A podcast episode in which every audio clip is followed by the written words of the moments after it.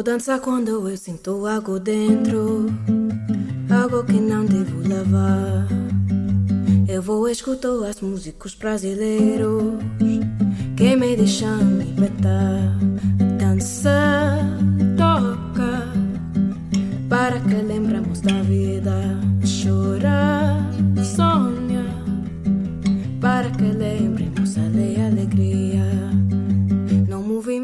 Bos días, boas tardes ou boas noites dende o recuncho de Arquitecturas en Fronteiras, no segundo andar da Escola de Arquitectura de A Coruña.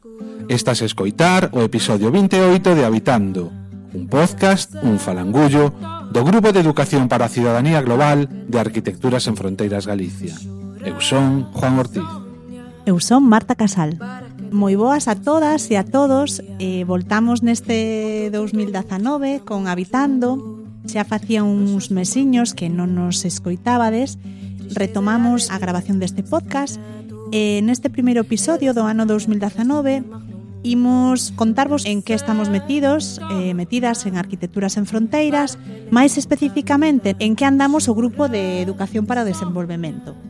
As accións do novo proxecto de educación que estamos desenvolvendo coa Facultade de Ciencias de Educación da Universidade da Coruña e tamén contaremos coa colaboración da ONG Solidaridade Internacional que leva unha longa trayectoria tamén no mundo da educación para desenvolvemento que nos van a compartir un poquinho a súa experiencia. Pero como todos os episodios, antes de empezar con este interesante tema, As novas aconteceron nos últimos meses en Arquitecturas en Fronteiras Galicia. E empezamos este apartado cunha de especial interés para todas as persoas que participamos de ASF Galicia, socias, voluntarias e mesmo persoal contratado. Xa temos data para as asembleas ordinaria e extraordinaria da nosa demarcación galega en 2019. Será o próximo 13 de abril, sábado, e, entre outros temas, procederemos á elección de membros da Xunta da Demarcación, Unha vez xa está enviada a convocatoria, en breve se lle notificará as persoas interesadas, o lugar onde terá lugar e a orde do día co resto de temas a tratar. Por outra banda, temos que contarvos que no mes de outubro de 2018, Arquitecturas en Fronteiras Galicia asignou un convenio co Colexio de Arquitectos de Galicia, con vixencia ata o ano 2020 en principio, aínda que prorrogable. Con este convenio facémonos cargo do deseño, da xestión e do desenvolvemento das actividades do proxecto Terra. Este proxecto, para quen non o coñeza, é un proxecto cunha longuísimo, un longuísimo percorrido de máis de 18 anos en Galicia, formando alumnado e a profesorado tanto de primaria, de infantil e de secundaria, sobre temas vencellados coa paisaxe, coa arquitectura e co patrimonio da nosa terra. Dende Arquitecturas en Fronteira viñamos colaborando con este proxecto desde hai algúns anos, impartíamos obradoiros prácticos sobre o tema do dereito ao hábitat en diversos centros educativos de Galicia. Que o que muda a partir deste ano Xosé Manuel Rosales, que era impulsor e responsable deste proxecto durante todos estes anos, nos deixa este legado, este grande regalo e esta grande responsabilidade de seguir dando vida e facendo crecer o proxecto Terra desde o que é o sentir de Arquitecturas en Fronteiras e a partir de agora baixo a coordinación do noso compañeiro Alberto Fortes Novoa, que é arquitecto e tamén docente de secundaria. Agradecer moitísimo a Xosé Manuel Rosales, a OCOAG, pola confianza depositada en Arquitecturas en Fronteiras, poñeremos o mellor de nós neste proxecto que tanto merece. É unha das primeiras actividades organizadas no marco deste convenio foi a organización dun curso para profesorado, tanto de infantil, primaria e secundaria, sobre a transformación de patios e camiños escolares, que é precisamente a temática principal do Proxecto Terra este ano, no marco da súa participación no Plan Proxecta da Consellería de Educación. Tivo lugar este curso o pasado sábado 12 de xaneiro no Mupega en Santiago, e contou co Estudio Pez de Madrid que acumula unha importante experiencia no desenvolvemento de proxectos de transformación de patios escolares xenerando entornos físicos que favorecen e facilitan a participación, a saúde e a inclusión e coeducación. Tamén estivo connosco o Estudo Rurban de Cangas que nos compartiu a súa experiencia en proxectos de camiños escolares e, por último, Gay Lagar, psicopedagoga, creadora da metodoloxía de patios dinámicos, xunto con Alicia Queiro, que é profesora de audición e linguaxe e tamén formadora de patios dinámicos a colexios de Galicia. Entre as dúas achegáronnos esta filosofía, os seus obxectivos e o plantexamento desta metodoloxía que aposta por patios inclusivos e coeducativos coas súas dinámicas.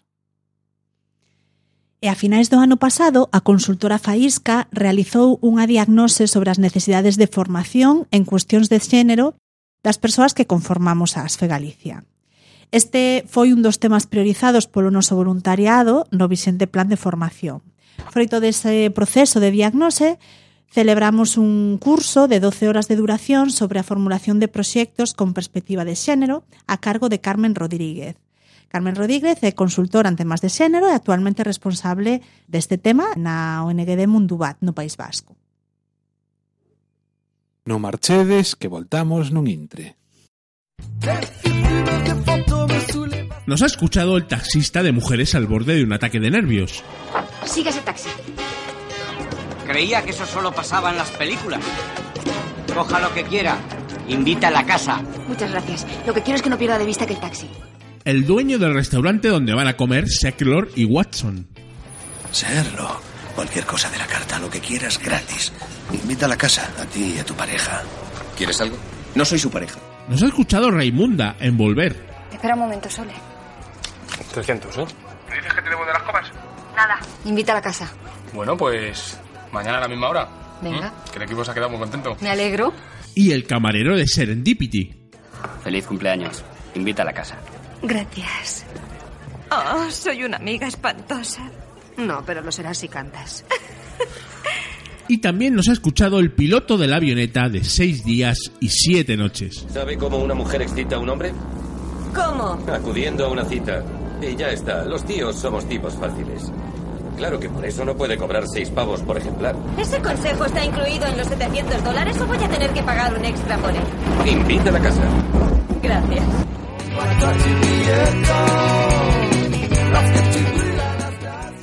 ¿Y tú no nos vas a escuchar esta temporada?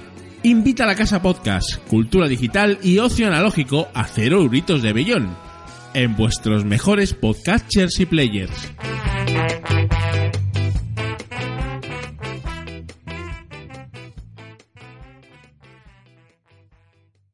Bueno, Marta, pois estamos aquí ti máis eu coa responsabilidade de explicarlle aos nosos ointes que o que imos facer este ano non? No, no proxecto que nos subvenciona a Xunta de Galicia para o período 2018-2019. É un proxecto que ven en continuidade con o do ano anterior, sobre todo, bueno, un traballo que eu diría que xa empezou hai bastantes anos, pero sobre todo é un seguir o que estivemos a facer o ano pasado. Ten tres liñas principais. Por un lado estaría a formación de axentes multiplicadores en defensa do dereito ao hábitat. Despois, por outro lado, estaría a formación e o traballo mediante obradoiros con alumnado de secundaria, en este caso no Instituto Zalaeta, e por último, un terceiro apartado que ten que ver coa autoformación, non? Coa, for coa formación do voluntariado que forma parte de Arquitecturas en Fronteiras Galicia. Empezamos polo tema dos asentes multiplicadores? Sí, vale.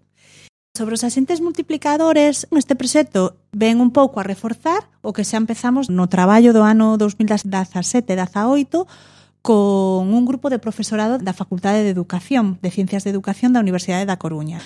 Puxemos nestes últimos anos bastante esforzo en que este tema do dereito ao hábitat no permee outras disciplinas.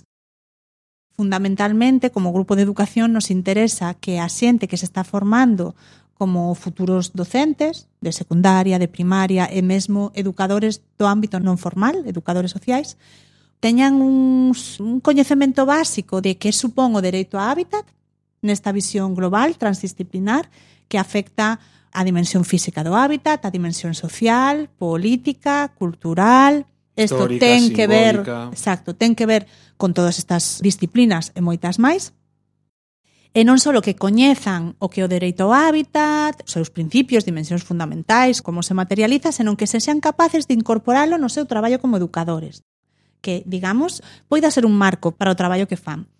Empezamos hai un par de anos e que seguimos reforzando este ano, non? A través de, do traballo con alumnado dos mestrados de secundaria, do alumnado de educación primaria e de alumnado de educación social, a través de distintas actividades que podemos comentar.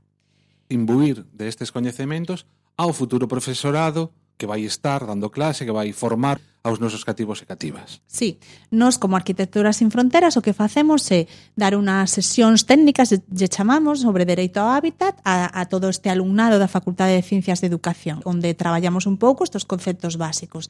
Como motivalo a exercer unha cidadanía crítica e a ter capacidade para incidir e para transformar sobre todas esas dimensións do hábitat.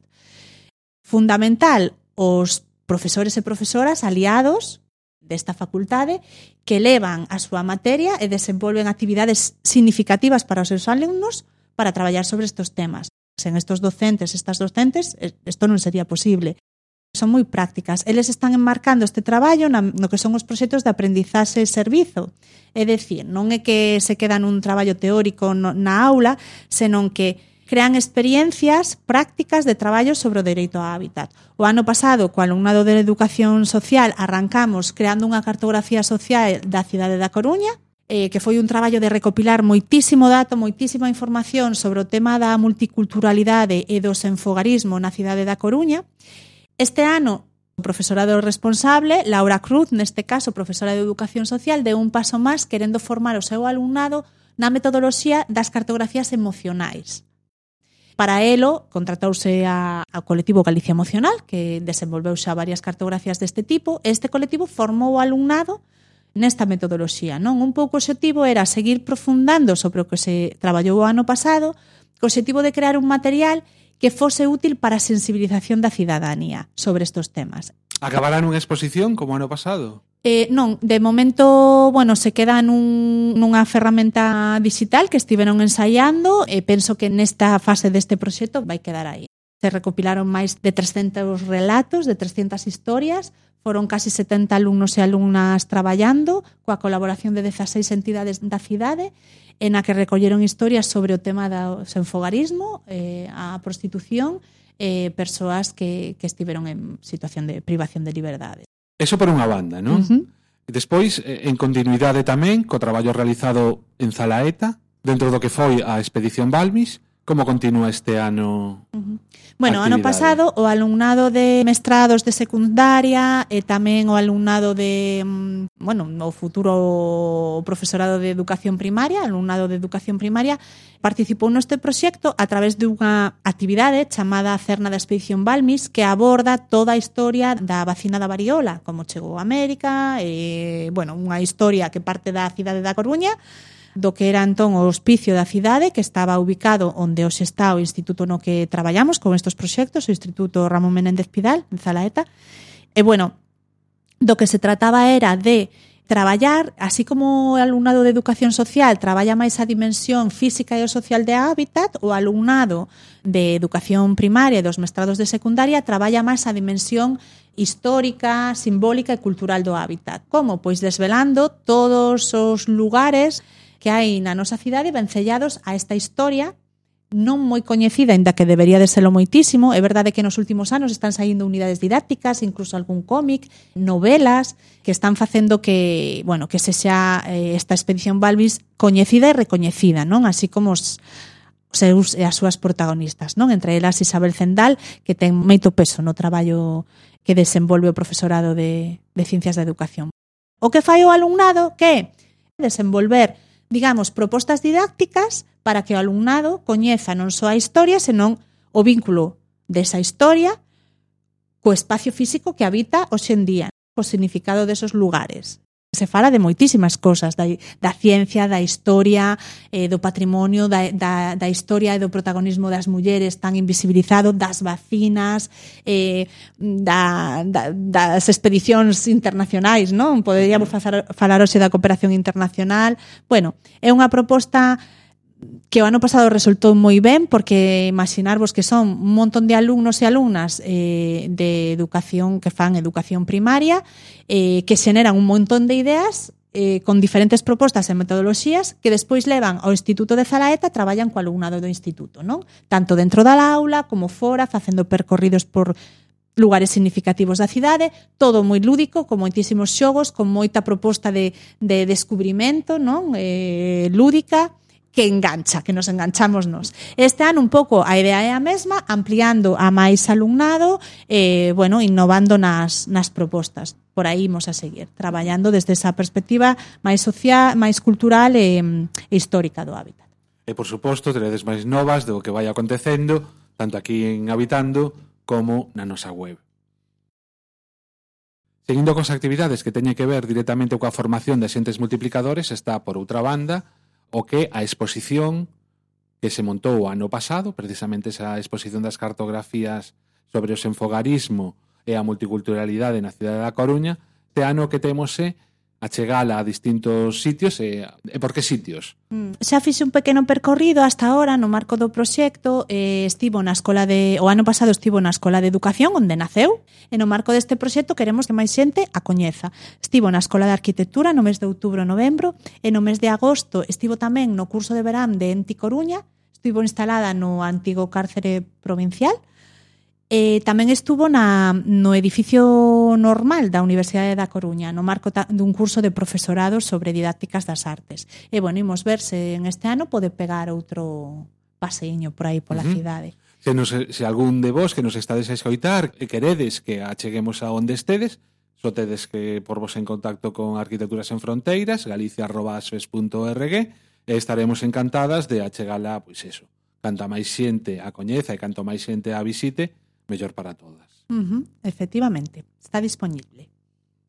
Deixando xa o que son as actividades que teñen máis que ver coa UDC, por outra banda, teremos tamén enfocado a xentes multiplicadores o curso en liña Hábitat de escala humana, verdad? Sí, o voltamos a repetir este ano. É un curso en liña que esta será a súa sexta edición, penso. Uh -huh. eh, o ano pasado sufriu unha transformación eh, de seis módulos a tres, era un curso que se facía un pouco longo. Era moi denso, moi longo, eh, con moitos, sí. moitas prácticas, moitos traballos. Era, era un curso denso e pensamos en trocealo, non? E facer como pequenos cursos máis especializados. Entón, a proposta agora é de tres módulos, que pensamos que é moito máis levadero. Tivo moi boa acollida nesta última edición que fixemos, e voltamos a repetilo, vos avisaremos no seu momento, un curso que traballa un apartado, digamos, un módulo importante sobre dereito ao hábitat, hábitat de xénero e xestión social do hábitat. Procesos participativos alrededor da xestión social do hábitat. Será para o mes de setembro, outubro, novembro, a seguinte edición, pero se antes do verán, volo recordaremos para que fagades as inscripcións. E por outra banda, estamos deseñando agora, desenvolvendo os contidos sobre un curso especializado en tecnoloxías axeitadas. Un futuro curso, sí, que este ano imos a desenvolver os contidos para nun seguinte proxecto poder xa poñelo en marcha vale. e achegar a xente que queira formarse neste tema. A nosa intención é que xa no 2020 poder facer a primeira edición deste novo curso sobre tecnoloxías apropiadas. Uh -huh. E despois temos, xa brevemente para non liarnos máis, xa lle dedicaremos máis máis tempo máis adiante, o traballo co noso amado, e querido alumnado adolescente de secundaria, bueno, de educación secundaria obligatoria. Seguimos traballando no Instituto Ramón Menéndez Pidal, en Zalaeta, na Coruña, a través dos obradoiros participativos. O ano pasado desenvolvimos o obradoiro pa, eh, Participar para Transformar, este ano lle demos un pequeniño aporte xiro eh, o chamamos participar para cuidar, vale? E igual a idea de participar para transformar, de, de traballar cos rapaces o dereito ao hábitat, o seu papel na transformación do hábitat, pero queremos tamén incorporar esa perspectiva dos cuidados, no? dende a perspectiva feminista, da, da filosofía e da economía feminista que poñen os cuidados, o valor da vida no centro. Mesmo aos rapaces e rapazas desde moi novos xa lles metemos na cabeza o tema da productividade, non? E mesmo formarse ou estudiar para producir dar espacio para que as nosas accións na vida teñan outro sentido tamén, non? Que tamén coidar e, e non só producir, tamén reproducir. Bueno, decimos que con alumnado en realidade é co alumnado de primeiro da De primeiro, sí, de seguimos de... traballando cos máis noviños que entran no centro para traballar tamén un pouco esa idea da acollida, non? De que teñan nese primeiro ano un espacio que os achegue de outro xeito a ese espacio e a ese novo lugar onde van a pasar moitos anos que facilite que se apropien del, que o poidan ver del nun punto de vista crítico, que poidan propoñer cambios, transformación e que dese xeito tamén o valoren, o aprecien, o cuiden, uh -huh. darlles ese espacio, facilitar esa entrada, non? Bueno, vamos a ver como sale. Fixemos unha pequena diagnose do centro desde a perspectiva dos cuidados. É dicir, eh, que hai nun centro educativo, falamos deste instituto, pero podería ser aplicable a todos, que hai no seu currículum, nas súas actividades extraescolares, no xeito de relacionarse as persoas, non? O, o alumnado, o alumnado co profesorado, o profesorado entre sí, que hai na documentación que regula o centro, que hai no xeito de consumir no centro que ten que ver cos coidados. O sea, en que medida este concepto de coidar a vida, as relacións, eh, traballamos tres dimensións, non? O autocuidado, as relacións entre as persoas e o cuidado do entorno. Bueno, canto desto estamos pensando eh, na hora de darlle vida a un centro educativo. E vemos que, bueno, mm, nada ou casi nada, polo menos consciente ou explícitamente. Si que hai cousas aisladas, eh, e pensamos que este instituto traballa moitísimos aspectos, pero así, como un programa, como un plan, non? no que se sea un eixe vertebrador, penso que, que podería ter moita potencia non calquera centro educativo. Temos claro. aliadas, temos unhas sí, boas temos aliadas a, ali. O, as tutoras e tutores do, de primeiro, a orientadora, o equipo directivo, e, e bueno, aí vamos a desenvolver algunhas actividades para facer reflexionar non a, o alumnado e tamén o profesorado sobre que cosas estamos facendo para cuidarnos, para cuidarnos as nosas relacións, o entorno, eh, que, que poderíamos facer. Non? Pasamos xa o que son as actividades de autoformación para o noso voluntariado aquí de Arquitecturas en Fronteira. E logo temos, bueno, a parte máis que do proxecto que ten que ver co fortalecemento de Arquitecturas en Fronteiras, que non se nos olvide que somos unha organización principalmente formada por persoas voluntarias e que a formación destas persoas, o sentido da actividade que ten a entidade para estas persoas é fundamental, senón non ten sentido. É dicir, a xente lle encontra un por que estar aquí, non? Eh, ou, ou non ten sentido. Entón este ano imos traballar principalmente en dous liñas que, como sempre, a formación do voluntariado, que el mesmo uh -huh. deseña o seu plan de formación, as carencias, as necesidades que ten.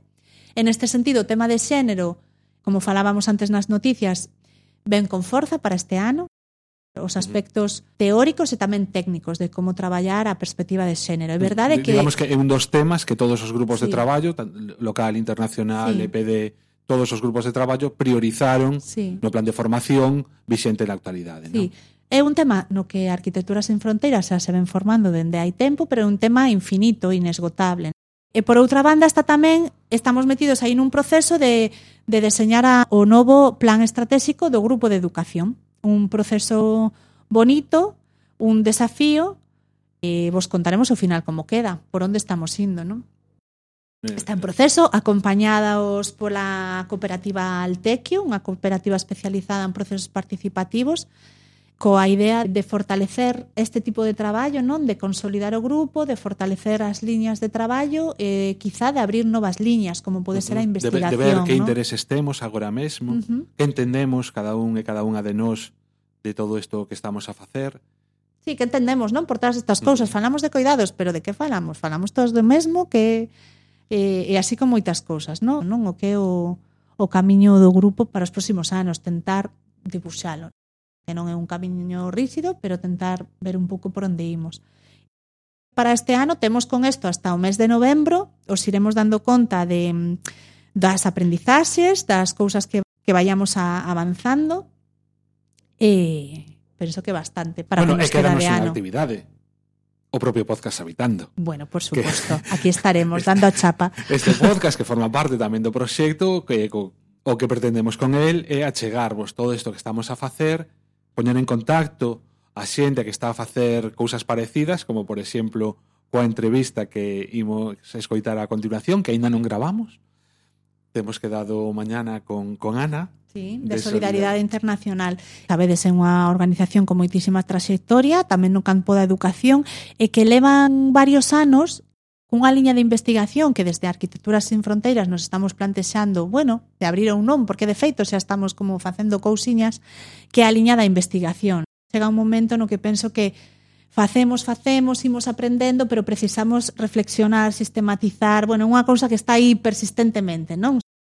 Imos a falar, eh, escoitades eh, de seguido, a nosa entrevista coa representante de Solidariedade Internacional de Galicia, con Ana, que nos vai a falar da traxectoria delas eh, no marco da investigación sobre a educación para o desenvolvemento, que penso que é un tema que nos queda para enmarcar este podcast que vai concretamente sobre PD, e bueno, a ver que nos contan sobre como está a EPD en Galicia, non? Canto hai, que precisamos, que está forte, que hai que reforzar. Falar un poquinho sobre isto da educación para a transformación social, non ou para a cidadanía global de que estamos falando. Como os adiantábamos antes, estamos agora mesmo con Ana Lampón, que traballadora de Solidariedade Internacional, ela pois nos vai a contar hoxe un pouquiño que é Solidariedade Internacional e concretamente que traballo están facendo no ámbito da educación para o desenvolvemento, educación para a transformación social, a ver como lle chaman elas, para a ciudadanía global, todas estas termos non que temos, e, e concretamente a súa experiencia, da experiencia da entidade no ámbito da investigación para a educación. Moitísimas gracias, Ana, Eh, contanos que é Solidariedade Internacional. Pois moitas gracias a vos por darnos a oportunidade de participar. Eh, conto vos Solidariedade Internacional eh, de Galicia. Somos eh, unha asociación de persoas que entendemos eh, bueno, que temos unha forma de ser e eh, tamén de estar no mundo eh, particular, seguramente que, que nos une moito a vos tamén, non? Eh, creemos firmemente na necesidade de acadar unha, un modelo non de sociedade moito máis máis xusto e equitativo, non? Na que nas desigualdades eh, sociais, económicas, políticas e demais non condicione non as oportunidades das persoas ao final para poder desenvolverse, un pouco así uh -huh. nas miñas palabras, non? Uh -huh. Eh, como se materializa eso? En que ámbitos estades traballando? Uh -huh. Básicamente o que, as nosas finalidades como ONG, non? van camiñadas a acadar de algún xeito eh, cambios positivos na vida das persoas. Non? Uh -huh. eh, como tentamos acadar estes cambios positivos? a través de catro liñas de traballo que están marcadas na cooperación ao desenvolvemento, non? Uh -huh. A primeira, a cooperación inter... a primeira non porque teña unha sí, orde sí. de preferencia, non, sino uh -huh. unha delas é a cooperación internacional, a cooperación exterior, non? Realizamos proxectos actualmente na zona de Centroamérica. Logo temos tamén o tema da participación social e voluntariado, non? Tan, uh -huh. tan fundamental para as ONGs e tan fundamental tamén para a sociedade en xeral. O tema do comercio xusto, que para nós tamén é un xeito moi importante de mm, reducir ou tentalo polo menos esas desigualdades non que se producen a nivel macro e a nivel micro, E a incidencia política é fundamental para nós tamén, Eh, aínda que a traballamos un pouco máis de xeito transversal, non? Eh, en, en todos eh, estes puntos de traballo que che comento, E no tema que nos ocupa hoxe, que sería pois a educación para o desenvolvemento da cidadanía global, temos tamén os mesmos debates a hora de denominala. Supoño que estamos todos un pouco por aí, non? Esta educación, ao final, eh, transformadora, non? Uh -huh. Que forme, pero que tamén tente transformar, non? Que ao final o que queremos conseguir son eses cambios positivos na xente, non? Dentro da educación para o desenvolvemento eh, traballamos varias liñas, non? En, en verdade traballamos todas as súas dimensións, uh -huh. as, me imagino que como tamén vos traballades, non? O tema da sensibilización, non? Sobre todo en atos de, de rúa e demais, consideramos imprescindible a presencia das ONGs na rúa, non? Uh -huh. Para falar destas cuestións que moitas veces se non é desta maneira non lle chegaría á xente, non? Logo, traballamos tamén en educación ou formación, sobre todo, estamos bastante enfocadas, por así decirlo, ou especializadas en levar a ciudadanía global a educación formal, ás aulas, de todas as etapas educativas, desde infantil, primaria, secundaria, bacharelato, formación profesional e universidade, pero eh, fundamentalmente digamos que temos moita máis trayectoria ou máis especialidade na educación secundaria. Uh -huh. A través de proxectos e demais. E tamén eh, nestes proxectos traballamos, como decía antes, transversalmente tamén o tema da incidencia política, non porque é sempre un elemento que, que está presente nestes proxectos para que ao final ese alumnado, profesorado, comunidade educativa en xeral que participe nos nosos proxectos teñan ese algo que facer, non? Esa tamén asumir esa responsabilidade de transformación, aínda que sea con esa eh, perspectiva local, non? Tendo en conta a perspectiva global, actuando no seu entorno máis máis eh, próximo, non? No seu local. E logo temos tamén a outra patiña que sería a da investigación, non? Unha cidadanía global, unha educación para o desenvolvemento. Deso queríamos que, que nos falaras, porque a nosa percepción é que temos moito por traballar eh, sí. a, dende, dende a perspectiva da investigación, non? Que ás veces, eh, como a nosa reflexión, non sei cal é eh, o cal foi a vosa, estamos moi centradas na acción e que non, non nos damos o tempo non para sacar todo xugo as aprendizaxes e compartilas si nos interesaba especialmente esa liña, non? Ver un pouquiño como surdiu, por que vos metistes aí, que... Uh -huh como sí, pues está mira, sendo ese proceso. Eh, Precisamente, que eh, concordo contigo en todo o que acabas de decir. ¿no? Eh, nós tamén mm. temos esa mesma perspectiva que estamos eh, en general, non? O mundo do terceiro sector, o mundo das asociacións, das ONGs, pero sobre todo das ONGs en particular, eh, estamos moi orientadas ao que facer. ¿Mm? É dicir, eh, estamos sempre ocupadas e preocupadas en facer, facer, facer e facer. E este ritmo de facer de sentirnos máis ou menos productivas facendo un montón de cousas que son necesarias, por suposto, non nos deixa, non, ese espazo non nos deixa ou non o, ou non o conseguimos sacar de outras cuestións, non? De reflexión que tamén é tanto o máis necesario, non? Sobre esa reflexión do que facemos, por que facemos, para que facemos, como se mm. pode mellorar e todo isto, non? Precisamente, mmm, Bueno, quero dicir, matizar, non? Que ás veces tamén a propia idiosincrasia eh, do noso xeito de traballo, os tempos nos comen, non? Moitas veces na xestión, eh, na administración, eh, bueno, nos obxectivos, eh, bueno, nos obxectivos que temos que cumplir, dos mm. proxectos mm. e demais, sí.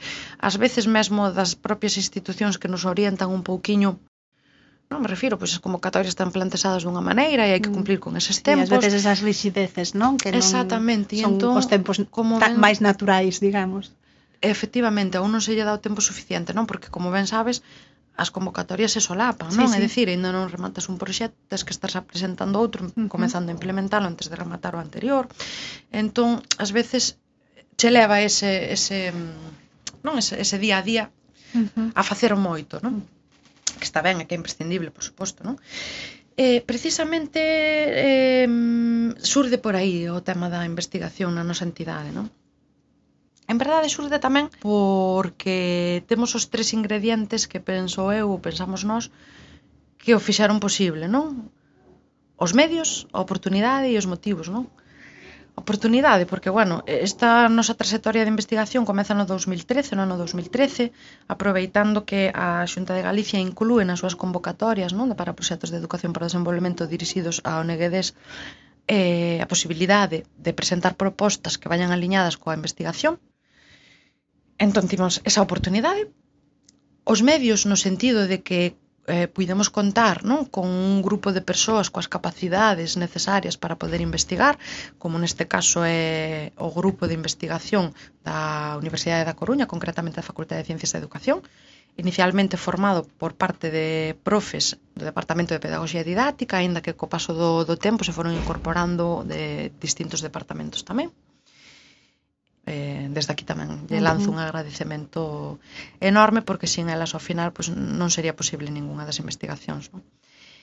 E, e logo tiñamos o, outra, outro ingrediente que era mm, o objetivo non? un objetivo claro é dicir, eh, precisamente nacendo deste facer que facer que facer que facer eh, vale, pero isto que estamos facendo sirve para algo uh -huh. non? eh, tamén, ademais de se sirve para algo, eh, realmente ten algún impacto no, na poboación coa que traballamos, non? Sobre todo o profesorado e alumnado de, destes centros educativos cos que vimos traballando há anos, non? E logo tamén o outro objetivo, non só da primeira investigación, sino que de aí surden as demais, non? É eh, xerar tamén coñecemento trasladable á práctica, non? Eh, é dicir, que ao final todo isto sirva para poder mellorar as prácticas do futuro, non? As intervencións que fagamos a partir de, de do día de mañá.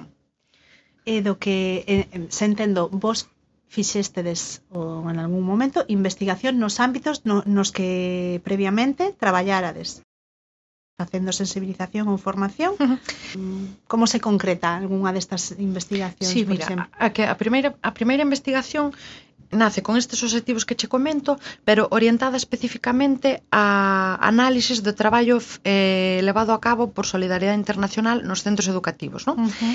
eh, ten como dúas ramiñas, eh, comentoche brevemente, eh, esta primeira investigación ten unha rama de anali eh, bueno, un análisis descriptivo non de 10 proxectos enmarcados entre o 2002 e o 2012 bueno, uh -huh. se colleron os 10 últimos anos uh -huh. nese momento se elaborou eh, ese, ese estudio para ver un pouquiño, bueno, radiografiarnos de como estábamos traballando, en que temas, con que entidades, eh, en que centros educativos, en que lugares, eh, con, con que tipo de profes, de alumnos e alumnas, con que obxectivos, con que temáticas, bueno, un pouco eh, radiografiarnos tamén, que foi bastante curioso porque aí notamos un pouco a, a evolución da entidade neses 10 anos, uh -huh que se podería equiparar un pouco a, a evolución tamén da propia educación para o desenvolvemento, non? Uh -huh. Da que falábamos antes das, uh -huh. das eracións.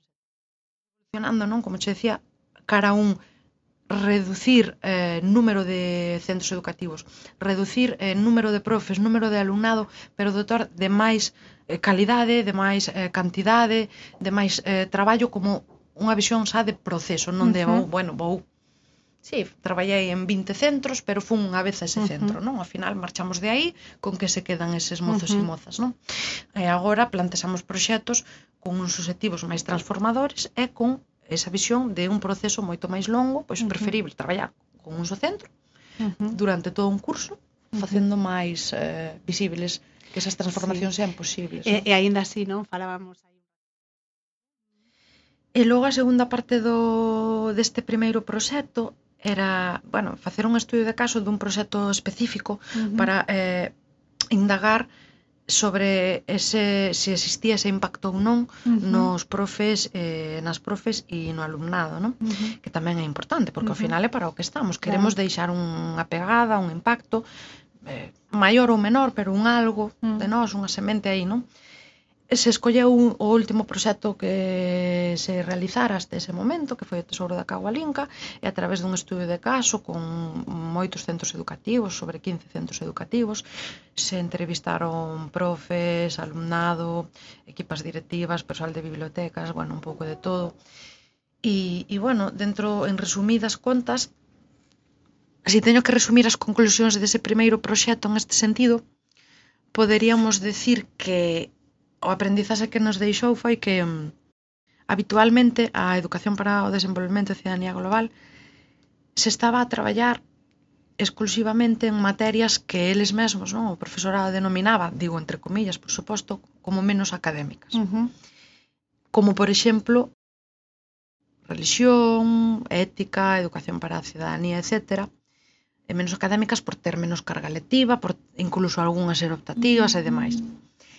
Eh, por, que, por que era isto? Non? Porque eh, se, se identificaba a educación para o desenvolvemento eh, exclusivamente con unha eh, promoción de valores. Uh -huh. Entón se, se asociaba a que esa promoción de valores se facía dende estas materias, non? Uh -huh. Desde estas asignaturas.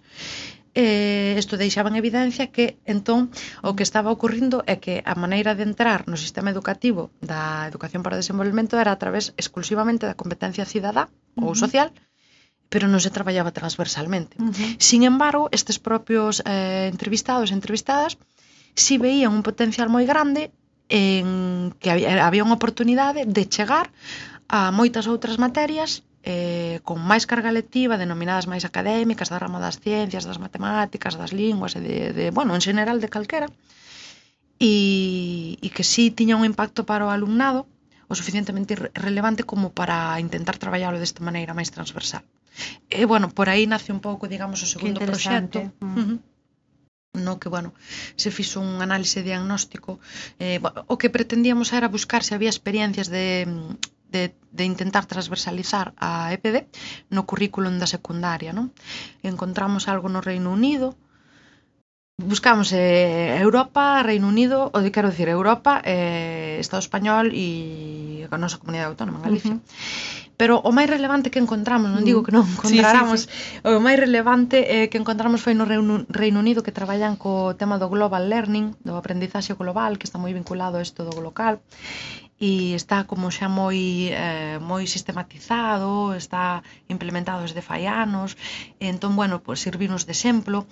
Logo entrevistamos tamén a persoal experto, que nos entendíamos como experto, non? O típico as persoas que escriben os manuais uh -huh. que nos leemos para uh -huh. traballar, estas cuestións, eh, referentes ao final, uh -huh. non? No, no mundo de PD. Eh, a profes tamén, para ver que opinaban eles de como nós podíamos eh, facer este traballo de integrar transversalmente de nos centros. Bueno, en resumen, saliunes que, que sí, que era posible, que facía falta eh, moito traballo, moita disposición, pero que si era posible moito mm, acompañamento por este o tema dos tempos tamén, non? Formación que xogaban sempre para en contra. non? Mm, formación, ao final tempo. Formación e recoñecemento son un pouco as, as tres cousas que en todas as investigacións nos, nos demanda un pouco o profesorado, non? e a lo loco nos lanzamos co terceiro proxecto, non? Un pouco locura de vale, temos identificado que lles interesa, que hai xente que está a facer, que ven posibilidades, que os profes estarían dispostos e dispostas, vamos a facer unha proba. Uh -huh. Vamos a intentar transversalizar ou integrar curricularmente a educación para a cidadanía global nun instituto ou nun colexio o dividimos en dúas fases. O proxecto foi de IAP, non? De investigación, acción eh, colaborativa, como a tres bandas.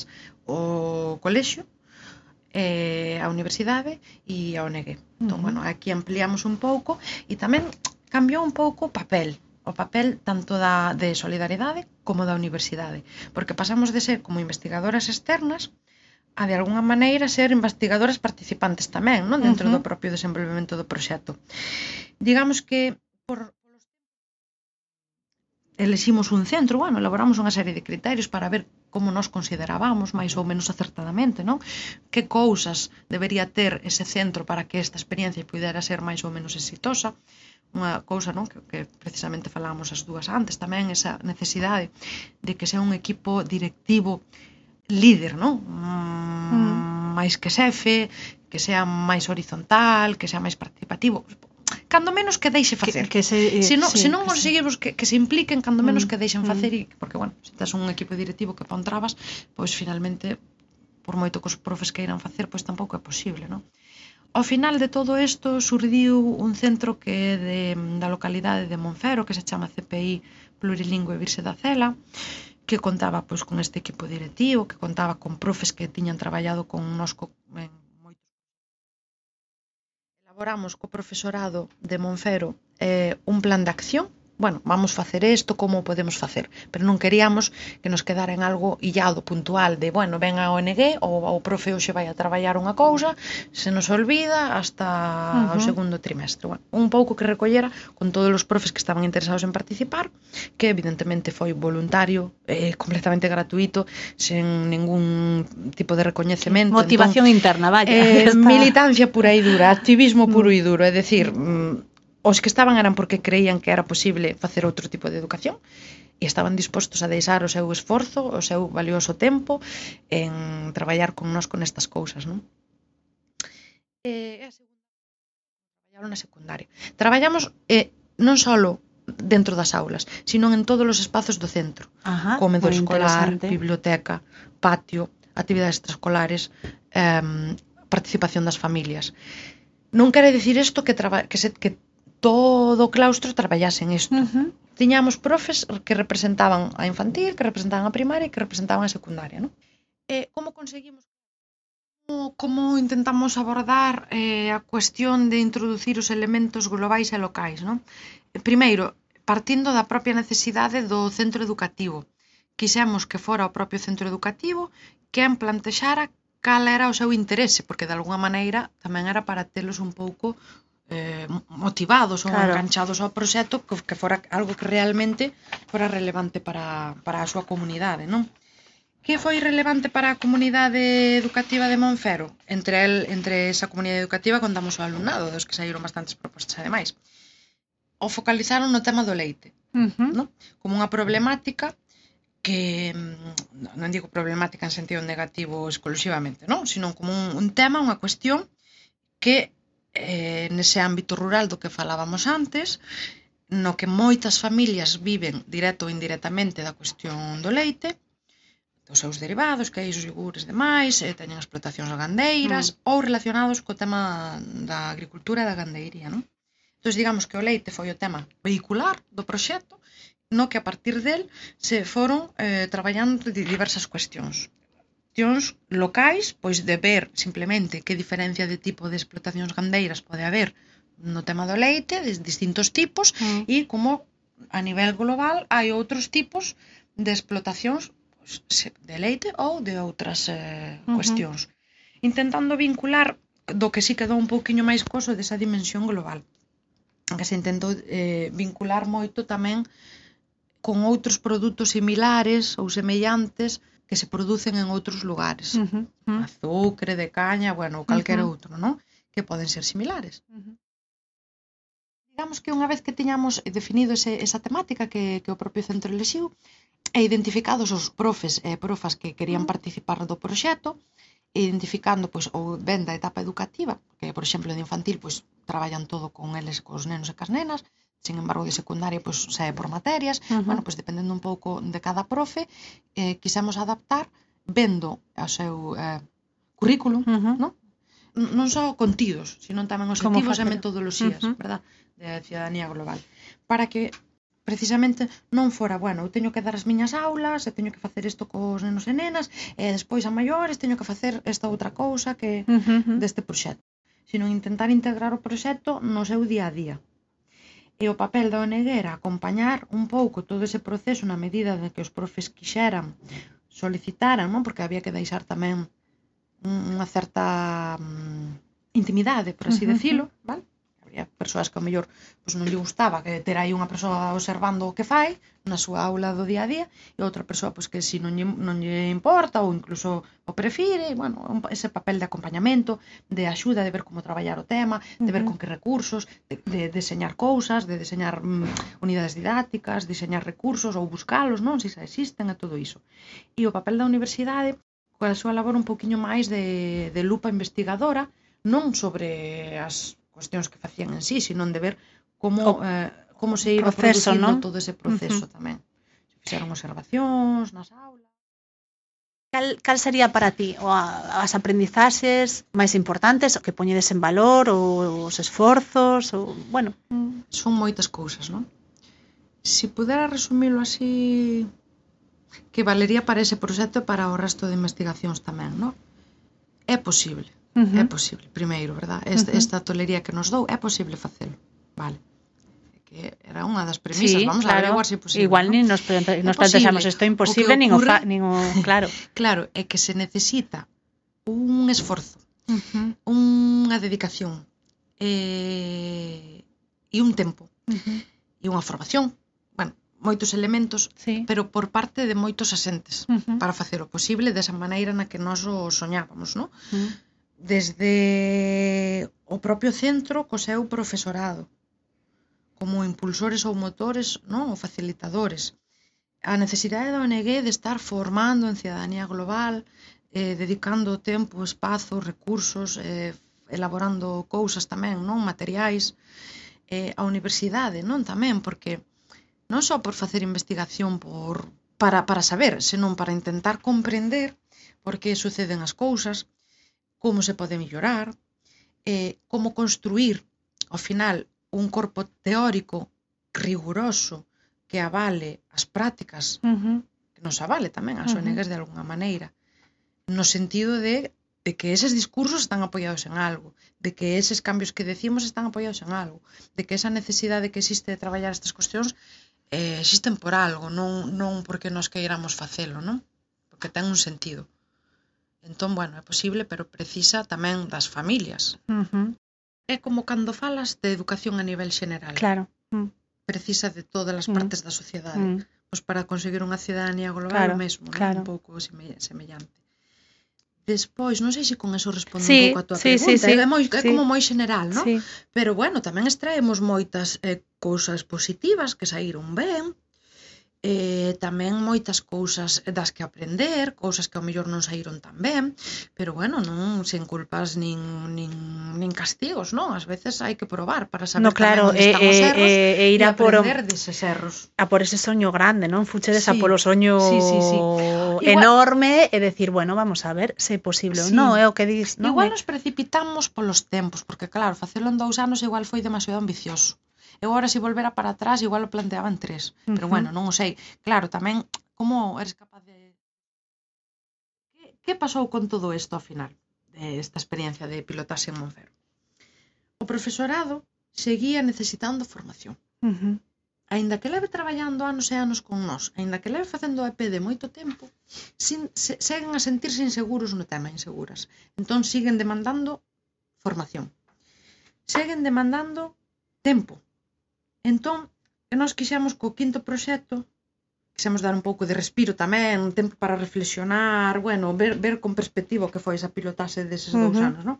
Entón, o quinto proxecto plantexamos, jolín, si os profes necesitan formación, é que chegan a exercer a súa, o seu magisterio sen esa formación na cidadanía global. Claro. Si nós somos profes de universidade da Facultade de Ciencias de Educación, uh -huh. que estamos a formar a futuros mestres e mestras, eh, a futuros educadores sociais, por exemplo, e que temos na nosa man intentar metelo na universidade. Uh -huh. E entón os, o quinto proxecto foi intentar facer o mesmo que fixemos en Monfero, pero nos grados de educación infantil, educación primaria, de magisterio, uh -huh. e nas, no grado de educación social da Facultade uh -huh. de Ciencias de Educación daqui del Viña, uh -huh. da Universidade da Coruña. Uh -huh. Moitas destas profes do equipo de investigación como daban aulas, uh -huh. pois eh, foi posible facelo tamén. Entón, inclúe a outra pata, que a outra das cuestións que nos levan dicindo os profes desde que comezamos con todo isto é a, a falta de recoñecemento. Uh -huh. Moitas veces non participan máis ou elixen outros temas nos que participar porque non teñen recoñecemento de ningún tipo. Xa non digo visibilidade, senón recoñecemento en simplemente certificados ou cuestións que a eles a elas lles valga para o seu currículum uh -huh. laboral, non? Que sí, moitas sí, sí. veces para a mobilidade que, non, que necesitan claro. e ao final estar no destino que queren, mm. tamén necesitan ir mm. sumando eses puntiños, non? E, bueno, quixemos dar resposta a esta parte tamén. Entón, se nos ocurriu, bueno, vamos a intentar crear un, algo que recoñeza o traballo do profesorado na educación para a ciudadanía global. Uh -huh. Entón, se nos ocurriu o tema de e bueno, pensando que podíamos facer, como podemos recoñecer, eh, non só internamente con ese certificado, senón que sea algo visible, que lle dé visibilidade, porque tamén lles interesa ter visibilidade para contactar con outros profes que están traballando sobre iso e non sentirse sí. tan soliños. Esta persoa que é profe de non sei que materia en sí. un cole que nin sequera e nunca fun ali, pero non coñezo, está a traballar sobre este tema que a min tamén me interesa, como estará facendo? Bueno, pois pues, ao final coñecerse, poder serar esa rede de traballo no futuro, non? Entón, miramos para para lonxe, miramos para España, que están a facer a nivel nacional. Mm. O premio Vicente Ferrer. Mm. entón, dixemos, ah, bueno, pois mira, podíamos crear algo parecido, non? parecido, xa digo, vale, simplemente como idea, algo parecido que recoñeza o labor eh, a labor do traballo dos, dos docentes e das docentes da nosa comunidade autónoma. Uh -huh. Facer unha especie de premio galego de educación para a ciudadanía global eh, aquí na nosa comunidade e ver de que maneira podemos recoñecer Ese e visibilizar claro. tamén uh -huh. e potenciar que podan ter unha colaboración esas persoas que están traballando estas uh -huh. cuestións. E entón ese foi o quinto proxecto. Agora mesmo, na actualidade, que comezou no ano 2018, xa estamos na segunda anualidade do proxecto, estamos no sexto. Uh -huh. eh, que estamos a facer no sexto? Unha parte eh, continúa do quinto, é dicir, seguimos traballando na formación inicial do, do profesorado. profesorado e eh, tamén dos eh, alumnos e alumnas de educación social. Eh, tamén continuamos dándolle resposta ao tema do premio porque, bueno, queríamos que fose algo participativo, non inventarnos o, o Solidaridade Internacional e a Universidade. Entón, bueno, ano pasado tivemos que facer pois, moitas entrevistas, mmm, profes de diferentes etapas educativas, xente do ENEGES, persoas expertas, xente do noso sector de cooperación, Xunta de Galicia, Consellería de Educación, para ver de que maneira, consugando os intereses de todo estes asentes, podíamos facelo, non? E agora, neste novo proxecto, o que temos é, aparte deso, é que impulsar a primeira convocatoria, deseñar as primeiras bases e impulsar a primeira convocatoria, que non é un premio que queire otorgar ou que vai a otorgar Solidaridade Internacional ou a Universidade, senón que sea un premio do sector. Uh -huh. Simplemente nos de momento pois estamos gestionando porque nos surdiu a idea e estamos creando, uh -huh. pero que non quero dicir que non é algo que, bueno, a Solidaridade Internacional non vai premiar nada, é uh -huh. sempre un recoñecemento máis amplo, non? que facilita todo isto. E logo metemos como estas dúas eh, patas viñan do preseto anterior, metemos unha terceira. Uh -huh. Que é o tema da cartografía social ou do mapeo. Uh -huh. Entonces, queremos recoñecer ao profesorado e aos centros educativos que están eh, traballando a EPD a través deste premio, pero queremos tamén coñecer que se está a facer de educación para o desenvolvemento, en que centros, con que profes, Seguir de que materias, línea, ¿no? que tipo de, de experiencias. De, de recoller... Exacto. Uh -huh. eh, entón, queríamos facer o sea, coñecer que, que experiencias están a facer de educación para a ciudadanía global nos centros educativos, non? Sempre orientado todo, como ves, a, ao tema da educación formal, non? Uh -huh. Moito da secundaria, pero en xeral a de educación formal.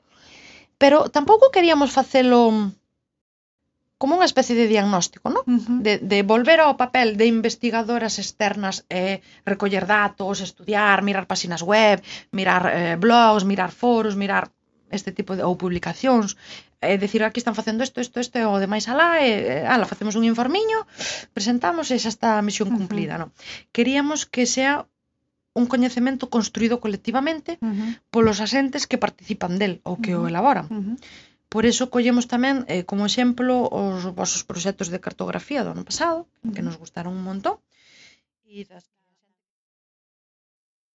Entón, estamos a preparar agora, que aproveito para convidar as persoas que escoiten o, o podcast, Faltanos concretar data, pero probablemente sexa o 15 de marzo, un venres, para facilitar un pouco o acceso ao profesorado, sobre todo dos centros educativos non, non da universidade, uh -huh. non? Eh, unha xornada na que vamos a abordar eh, de, de tres e media a seis aproximadamente un proceso para definir o premio, xa con todas as entrevistas que fixemos do premio DPD, eh, vamos a ter que dar xa propostas resolutivas, cousas que quedaron en dúbida que hai mm, puntos a favor e puntos fortes ou puntos débiles, resolvelos. E xa darlle forma, porque este ano temos que sacar a primeira convocatoria do premio.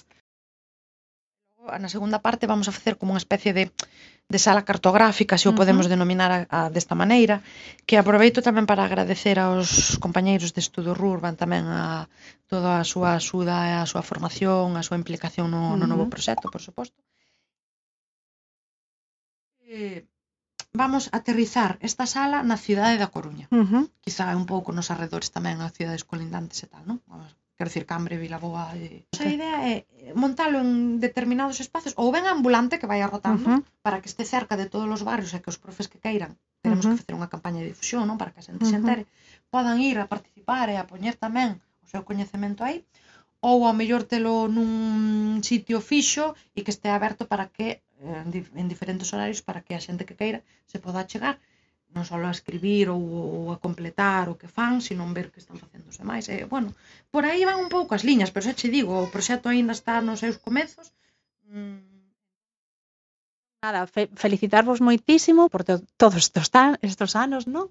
Sí. Eh, e por estes últimos anos, eu penso de, de ese traballo de ir un pouquiño a pouco analizando que se fixo, proxectando a futuro, soñando en grande, en pequeno, en mediano. Sí, sí Eh, non sei se queres decir algunha cousiña que te quedara aí Bueno, nada, que en definitiva para que investigamos eh, en calquer ámbito, non na EPD, en calquer outro, é para detectar eh, eh, bueno, fortalezas e tamén debilidades e propoñer solucións ás demandas, non? E sobre todo escoitar ao profesorado, porque non está nada escoitado. Claro. Que ao final todo vai encamiñado a, a, a, a ter a capacidade de de ser optimista cara a esa transformación social. Uh -huh. En creer que se poden cambiar as uh -huh. cousas, senón non estaríamos traballando claro. no que estamos sí, traballando, sí, sí, eh. que eh. se pode. Uh -huh. E se se pode, hai que facelo. Claro. É a nosa responsabilidade sí, cos sí. personitas de mañá. Sí, que sí. hai que Pois pues nada, mulleres, ¿no? moitísimas gracias por este super rato eh, nada, seguimos. Moitas gracias, gracias. Marta. Un saludo.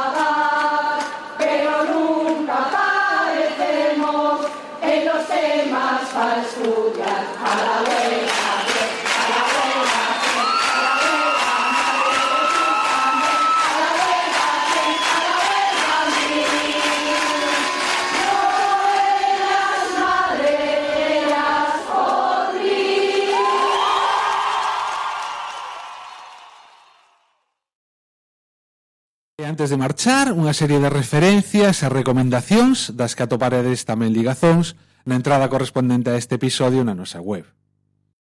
Deberíades saber, todos e todas, que está convocada para o domingo 3 de marzo unha manifestación unitaria en Galicia con motivo do 8 de marzo, o Día Internacional das Mulleres. Este ano, despois dun longo proceso de traballo organizativo dende diferentes vilas e cidades do país, celebrarase en Lugo. Terá lugar ás 12 da mañá. Para chegarse alí haberá un sistema de desplazamento colectivo organizado a través de autobuses dende diversos nodos locais.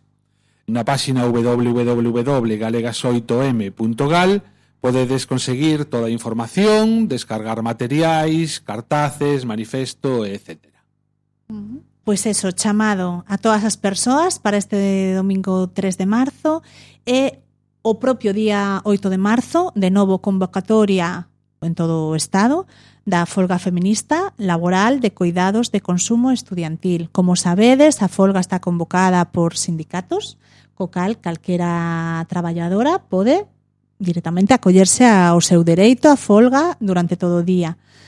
E que pasa cos homes? Bueno, pois é unha folga feminista, unha folga de mulleres que queren visibilizar que pasa cando as mulleres paran. Por eso, dende o feminismo se pide a colaboración dos compañeiros, dos homes, e se suxiren pois algúns xeitos de, de apoiala. Por exemplo, realizando tarefas de cuidados, de crianza, alimentación, domésticos, durante todo o día, e así evitando que as mulleres fiquen pendentes e dupliquen o traballo os días seguintes á folga. Por exemplo, difundir e apoiar as convocatorias da folga e as mobilizacións non facer folga nen paros. A idea é visibilizar o paro das mulleres, facilitar que as mulleres acudan á folga, visibilizar a folga das mulleres nos postos de traballo, aportar economicamente a un peto de resistencia no traballo para axudar as compañeiras que vayan á folga e dar o protagonismo nos espacios públicos e privado ás mulleres, acompañando a loita feminista deste 8M. Así que nada, pois prepararvos todas, todos, e nada, que saia moi ben. Queremos pois parabenizar e agradecer moitísimo o traballo de tantísimas mulleres e eh, organizacións en toda Galicia e en todo o Estado que levan traballando dende hai meses non para que que esta folga, estas xornadas se sean posibles. Así que moitísimas gracias.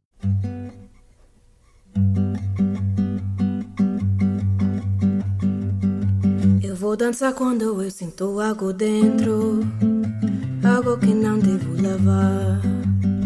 Eu vou escutar os músicos brasileiros que me deixam libertar.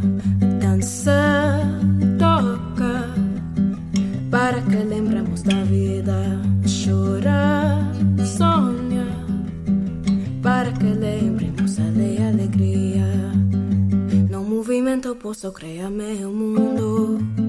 Pois ata aquí este episodio 28 Podedes nos deixar un comentario sobre este ou calquer outro tema nas notas deste episodio na nosa web galicia.asfes.org En Twitter atoparedesnos como arroba asf-habitando ou en arroba asf-galicia E tamén temos páxina en Facebook.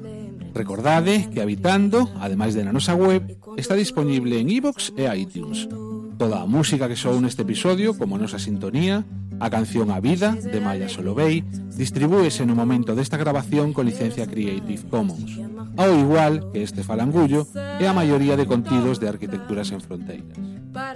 Nada máis, moitísimas grazas a todos e todas por chegar ata aquí e esperamos vos no seguinte episodio. Adeus! Ata o próximo episodio, unha aperta grande. Para que lembramos da vida chorar I can't.